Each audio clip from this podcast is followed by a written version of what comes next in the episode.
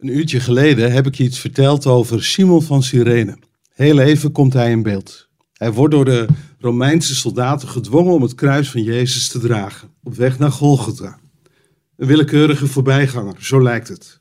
Ik vraag me dan af hoe dat gegaan is. Wat zal Simon gedacht hebben? Hoe zal hij naar Jezus gekeken hebben? Is hij bij dat kruis op Golgotha blijven staan? Zal hij de impact van deze kwetsbare liefde gevoeld hebben? Ik stel me er dit bij voor. Na die bizarre tocht met die zware balk op zijn rug staat Simon uiteindelijk bij het kruis van Jezus. Het lijden is afschuwelijk.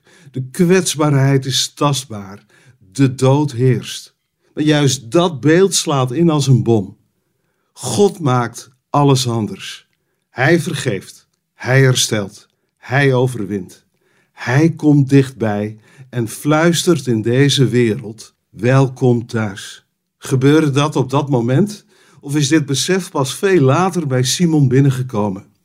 Ik laat het maar in het midden. Maar ik weet wel, we hebben alle reden om aan te nemen dat deze willekeurige voorbijganger een volgeling van Jezus is geworden. Zijn zonen zijn bekende namen in de kerk die in Rome ontstaan is.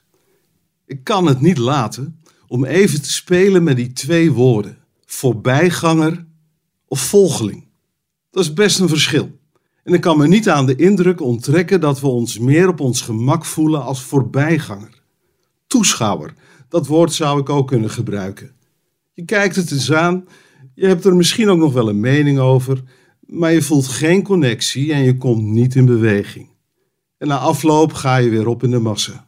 Dit principe kun je op heel veel gebieden toepassen. Je neemt geen verantwoordelijkheid als je geconfronteerd wordt met problemen om er eens iets te zeggen. Klein voorbeeldje. Momenteel rijd ik iedere dag langs een grote billboard met daarop de tekst: Je staat niet in de file, maar je bent de file. Ik vind hem scherp. Ook op geloofsgebied kun je je als voorbijganger, als toeschouwer gedragen. En ik begrijp het best, dat is een comfortabele positie. Je blijft op afstand, het kriebelt misschien een beetje, maar dan ga je over tot de orde van de dag.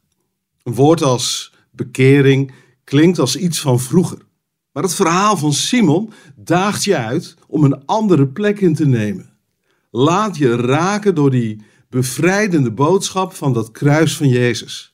Een boodschap van radicale vergeving en onvoorwaardelijke liefde. Weet je, in de Bijbel wordt een beeld gebruikt.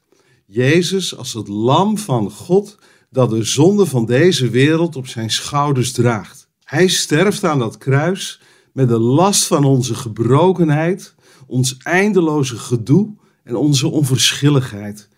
In Hem ontvangen wij vergeving, vrijheid en liefde. Welkom bij God. Blijf dan niet op afstand, maar laat je raken.